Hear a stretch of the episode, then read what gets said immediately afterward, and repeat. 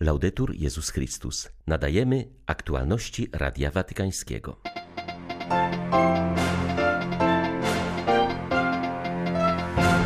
Papież na razie nie pojedzie do Kijowa i nie spotka się z patriarchą Cyrylem.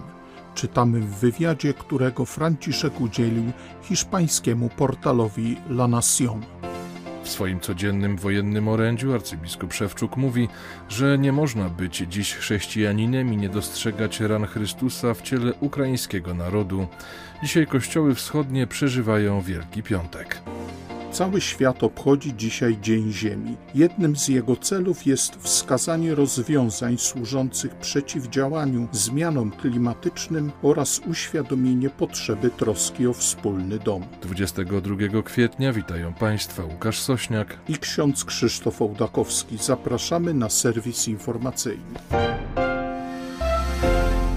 Papież póki co nie pojedzie do Kijowa i nie spotka się z Cyrylem. Dowiadujemy się z wywiadu, którego Franciszek udzielił hiszpańskiemu portalowi La Nación. Podkreślił w nim raz jeszcze, że on sami dyplomacja watykańska robią wszystko, aby przyczynić się do zakończenia wojny na Ukrainie. Nie mogę zdradzić szczegółów, bo to przerwałoby wysiłki dyplomatyczne, ale próby nie ustaną, zapewnił Ojciec Święty. Papież przyznał, że Watykan odwołał czerwcowe spotkanie z patriarchą Cyrylem, do którego miało dojść w Jerozolimie.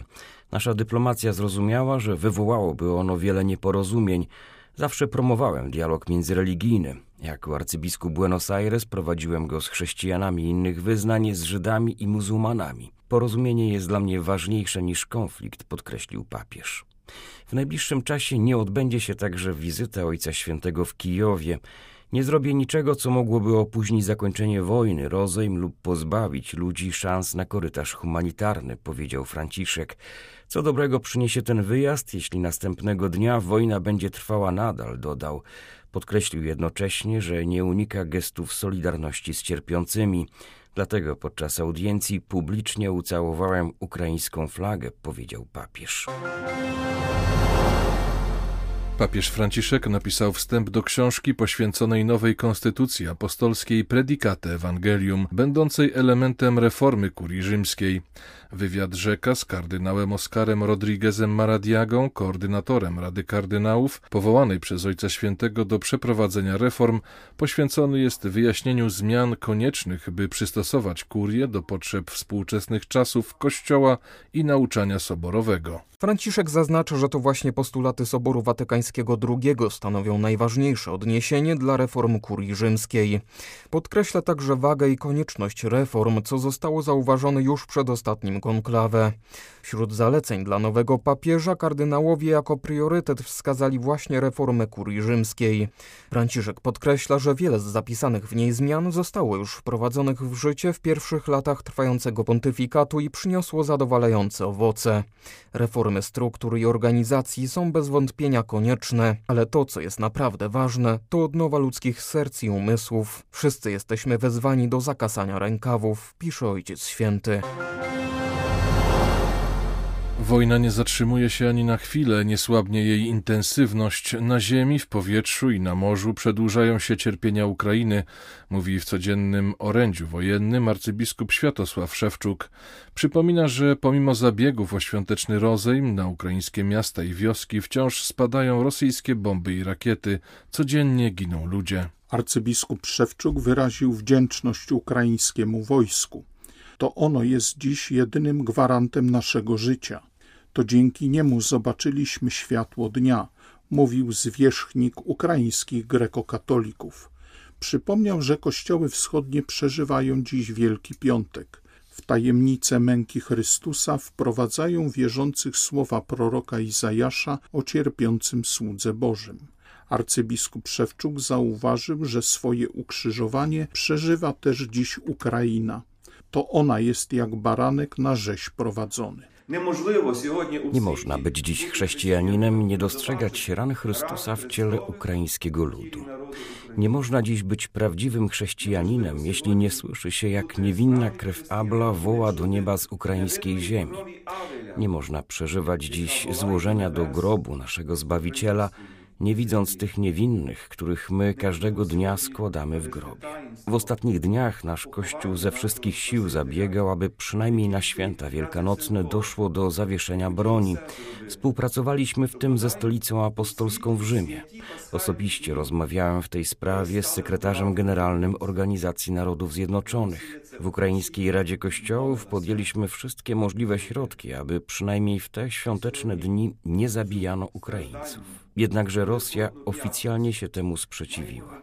Przeżywamy dziś Wielki Piątek i pokładamy naszą nadzieję tylko w Bogu, bo w Jego ranach zostaliśmy uzdrowieni. Z Jego męki czerpiemy siłę, by zwyciężyć. Jego życiodajna moc wypływa dla nas, dla Ukrainy z Jego przebitego boku i daje nam siłę, abyśmy mogli pokonać zło i ochronić naszą ojczyznę. Zachiszczaty naszą ojczyznę. W Lwowie wielkanocną radość przyćmiły pierwsze ofiary wojny w tym jakże gościnnym mieście, które przyjęło tysiące uchodźców. Ufaliśmy, że na czas Wielkiego Tygodnia i Wielkanocy Rosja zaniecha bombardowań. Niestety tak się nie stało, mówi Radiu Watykańskiemu arcybiskup Mieczysław Mokrzycki. Łaciński metropolita Lwowa wyraża nadzieję, że na skrwawionej ukraińskiej ziemi stanie wkrótce papież Franciszek. Ta droga krzyżowa teraz dotknęła nasz kraj, Ukrainę. Modlimy się do Matki Najświętszej Fatimskiej, aby uczyniła ten cud nawrócenia Rosji. A przede wszystkim Chrystus zmartwychwstały przychodzi do nas i mówi: Nie lękajcie się, prawda zwycięży, dobro zwycięży.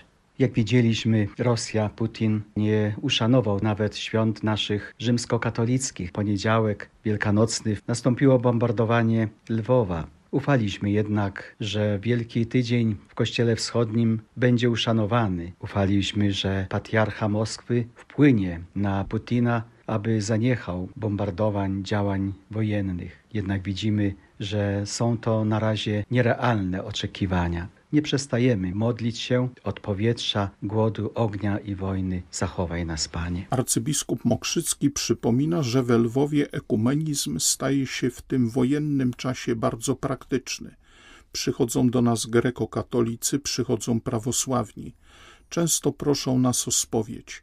Wspólnie z nami obchodzili święta, a teraz będą je przeżywali w swoich wspólnotach podczas gdy my będziemy świętować Niedzielę Bożego Miłosierdzia. Mówi arcybiskup Mokrzycki, podkreślając, że będzie to czas wspólnej modlitwy o to, aby zmartwychwstały Chrystus okazał Ukrainie miłosierdzie i przywrócił upragniony pokój. Ojciec Święty Franciszek od samego początku nawołuje i wzywa do modlitwy cały Kościół katolicki i nie tylko o zaprzestanie wojny. Jesteśmy Ojcu Świętemu bardzo wdzięczni także za wierzenie Rosji Matce Bożej Fatimskiej. Widzimy, jak Ojciec Święty razem z nami cierpi, jak jest bardzo blisko nas poprzez posłanie trzy razy także na Ukrainę swego delegata księdza kardynała Krajewskiego. Jak widzimy, wojna w dalszym ciągu trwa, znając Ojca Świętego, że zaskakuje nas swoimi gestami, że kiedyś przybędzie do Ukrainy, stąpi na tej umęczonej, cierpiącej, skrwawionej ziemi, ucałuje ją, pobłogosławi i jeszcze raz wykrzyknie o zaprzestanie wojny. Ojciec Święty mianował księdza Krzysztofa Kudławca, dotychczasowego wikariusza biskupiego i dyrektora diecezjalnego papieskich stowarzyszeń misyjnych w Porto Viejo, biskupem diecezji Daule w Ekwadorze. Biskup nominat urodził się 19 września 1969 roku. Uzyskał licencjat z teologii na Papieskiej Akademii Teologicznej w Krakowie. Święcenia kapłańskie przyjął 25 maja 1995 roku. W 2002 roku wyjechał do Ekwadoru na misję, gdzie był odpowiedzialny za organizację dziewiątego Krajowego Kongresu Misyjnego w Porto Viejo. Przez wiele lat był proboszczem parafii świętego Franciszka z Asyżu w Calderón. Dzisiaj na całym świecie obchodzony jest Dzień Ziemi. Temat obchodów w tym roku brzmi inwestowanie w naszą planetę. Jednym z jego celów jest wskazanie rozwiązań służących przeciwdziałaniu zmianom klimatu i zachęcanie wszystkich rządów, obywateli i przedsiębiorstw do podjęcia działań. Troska o nasz wspólny dom jest obecna w nauczaniu Kościoła. Ekologia integralna to jeden z głównych wątków pontyfikatu papieża Franciszka, której poświęcił swoją drugą encyklikę Laudato Si. Mówi Pierluigi Sassi, organizator Dnia Ziemi we Włoszech. Dzięki apelom papieskim kwestie ochrony środowiska są coraz częściej poruszane przez opinię publiczną. Papież wydobył je z niszy, zwrócił na nie uwagę wszystkich. Jednak, choć znajdują się one na liście priorytetów firm i rządów, ta wrażliwość rzadko przekłada się na działania. Wołanie ziemi wciąż zbyt często zagłuszane jest przez niesprawiedliwość i interesy ekonomiczne. Na 26 wielkich międzynarodowych konferencjach klimatycznych wskazano rozwiązania, ale nigdy ich nie zastosowano. Dlatego niestety nadal zagrożone jest samoistnienie rasy ludzkiej. Zasoby naturalne są często przyczyną konfliktów wywołanych poszukiwaniem wody, własności ziemi czy surowców. Obecnie na świecie trwa ponad 200 aktywnych konfliktów o wodę, a w ciągu ostatnich 20 lat było ich 263. Istnieją też dysproporcje między wielkimi potęgami gospodarczymi 20 krajów świata, które produkują 80% dwutlenku węgla wprowadzanego do atmosfery i są w związku z tym najbardziej odpowiedzialne, a 77 krajami, które żyją żyją w skrajnym ubóstwie. Widzimy więc, że duch dzielenia się i szacunku dla stworzenia musi ożywiać stosunki międzynarodowe. Papież zwraca uwagę na działanie młodych ludzi, którzy są teraźniejszością ludzkości i którzy są wezwani do robienia hałasu, by tworzyć nowe drogi. Dzieci potrafią budzić sumienia swoich ojców w świecie, który niemal głucho i ślepo zmierza w określonym kierunku. Trzeba skupić się na osiągnięciu masy krytycznej, która przez efekt domina wywoła transformację ekologiczną. La, w niedzielę ulicami Brukseli przejdzie 13 Marsz dla Życia. Zbiega się on w czasie z 20. rocznicą legalizacji eutanazji w tym kraju. Dlatego też w tym roku obrońcy życia skupiają się właśnie na tym procederze. W ubiegłym roku odnotowano rekordową liczbę przypadków, kiedy w majestacie prawa zadano śmierć ludziom potrzebującym opieki i pomocy to przejaw wypaczonej wizji wolności, mówi prymas Belgii. Jak zauważa kardynał Józef de Kessel, to stałe poszerzanie zakresu eutanazji pokazuje, że bynajmniej nie chodzi tu już o uśmierzanie cierpienia, lecz o podporządkowanie się indywidualistycznej ideologii. Jest to debata społeczna o charakterze antropologicznym. Chodzi o zasadnicze pytanie, co decyduje o tym, że jesteśmy ludźmi, na czym polega ludzka społeczność, czemu ma służyć postęp. Bo wmawia się nam, że poszerzanie zakresu eutanazji dokonuje się w imię postępu. Ja przypominam zawsze słowa Pawła VI, który mówił, że postęp musi służyć wszystkim ludziom i całemu człowiekowi. Nie można się ograniczyć do wymiaru biologicznego. Tymczasem w wypadku eutanazji naruszone zostają podstawy naszej cywilizacji. Tu nie chodzi tylko o eutanazję, o ograniczenie ludzkiego cierpienia. Jest to kwestia ideologiczna. Chodzi o nadanie człowiekowi prawa do pełnego dysponowania sobą według własnych zachcianek. To jest kwestia fundamentalna i to właśnie dlatego w eutanazji idzie się coraz dalej, rozszerzając ją również na dzieci, osoby z demencją. Tu już nie chodzi o uśmierzenie cierpienia, o zachowanie godności człowieka zgodnie z misją medycyny, ale o przeforsowanie pewnej ideologii, pewnej wizji wolności indywidualistycznej, bo człowiek może robić, co mu się podoba. I to ma oczywiście bardzo poważne konsekwencje nie tylko dla jednostki, lecz również dla społeczeństwa. Były to aktualności Radia Watykańskiego. Laudetur Jezus Chrystus.